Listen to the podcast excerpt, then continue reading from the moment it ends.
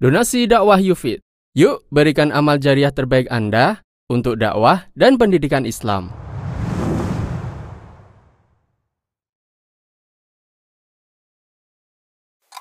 Tujuh belas amalan di bulan Ramadan. Pertama, bangun tidur dan segera berwudu. Tujuannya agar terlepas dari ikatan setan. Alhamdulillahilladzi ahyana ba'dama amatana wa ilaihin nusyur. Kedua, lakukan sholat tahajud walaupun hanya dua rakaat. Lalu menutup dengan sholat witir jika belum melakukan sholat witir ketika sholat tarawih. Ketiga, setelah sholat, berdoa sesuai dengan hajat yang diinginkan, karena sepertiga malam terakhir, yakni waktu sahur, adalah waktu terkabulnya doa. Keempat, melakukan persiapan untuk makan sahur, lalu menyantapnya. Ingatlah, dalam makan sahur ada keberkahan. Loh kok makannya berhenti mas? Oh gitu. Gini mas, tak kasih tahu. Yang namanya imsak itu bukan batas akhir waktu sahur. Ada dalilnya itu mas. Allah subhanahu wa ta'ala berfirman yang artinya, Makan dan minumlah kamu hingga jelas antara benang putih dan benang hitam, yaitu terbit fajar. Quran Surat Al-Baqarah ayat 187. Allah mengizinkan makan dan minum sampai masuk waktu subuh. Gitu, Mas. Waktu makan sahur berakhir ketika azan subuh berkumandang atau masuknya fajar subuh. Kelima, sambil menunggu subuh, perbanyak istighfar dan sempatkan membaca Al-Quran. Keenam, bagi yang berada dalam keadaan junub, maka segera mandi wajib. Namun, masih dibolehkan masuk waktu subuh dalam keadaan junub dan tetap berpuasa. Termasuk juga masih boleh masuk waktu subuh belum mandi suci dari haid. Ketujuh, wajib bagi yang berpuasa menahan diri dari makan dan minum serta pembatal puasa lainnya, mulai dari terbit fajar subuh hingga tenggelamnya matahari. 8. Ketika mendengar azan subuh, lakukanlah lima amalan berikut. Pertama, mengucapkan seperti apa yang diucapkan oleh muadzin.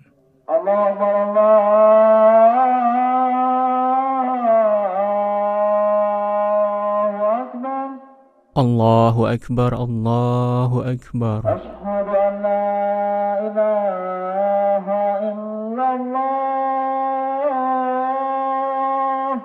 Ashhadu an la ilaha illallah. Kedua, bersolawat pada Nabi Sallallahu Alaihi Wasallam setelah mendengar azan. Allahumma salli ala Muhammad. Atau membaca solawat Ibrahimiyah seperti yang dibaca saat tasyahud. Ketiga, minta pada Allah untuk Rasulullah Sallallahu Alaihi Wasallam wasilah dan keutamaan sebagaimana yang disebutkan dalam hadis Jabir bin Abdillah. Allahumma Rabb hadhihi ad-da'wati tammah was-salatil qa'imah آتي محمدا الوسيلة والفضيلة وابعثه مقاما محمودا الذي وعدته Keempat, lalu membaca Ashhadu an la ilaha illallah wahdahu la syarika lah wa anna muhammadan abduhu wa rasuluh raditu billahi rabba wa bi muhammadin rasula wabil islami dina sebagaimana disebutkan dalam hadis Sa'ad bin Abi Waqqas. Kelima, memanjatkan doa sesuai yang diinginkan.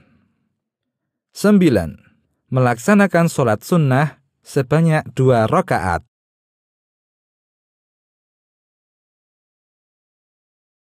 Lalu menyibukkan diri dengan berdoa dan membaca Al-Quran.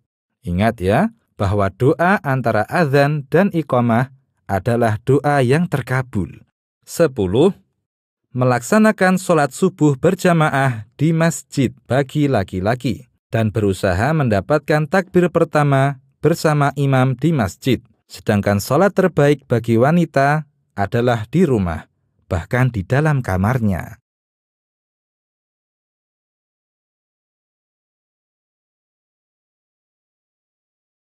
Sebelas.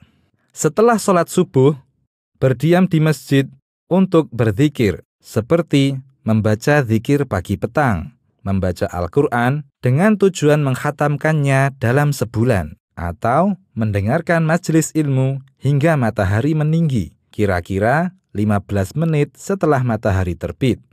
Ketika matahari meninggi tadi, lalu melaksanakan sholat isyrok sebanyak dua rakaat yang dijanjikan pahalanya sebagaimana pahala haji dan umroh yang sempurna. 12. Sejak fajar menjalankan rukun dan meninggalkan hal-hal yang diharamkan, yaitu berdusta, ribah, namimah atau adu domba, memandang wanita yang tidak halal, dan mendengarkan musik. 13. Melakukan sholat duha minimal dua rakaat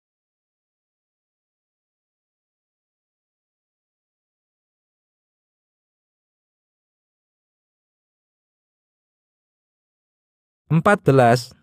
Memperbanyak sedekah di bulan Ramadan. 15. Memperbanyak membaca Al-Quran, bahkan berusaha menghatamkannya di bulan Ramadan.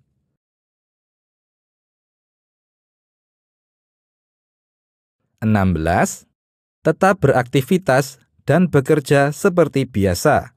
Sebaik-baik pekerjaan adalah pekerjaan dengan tangan sendiri. 17.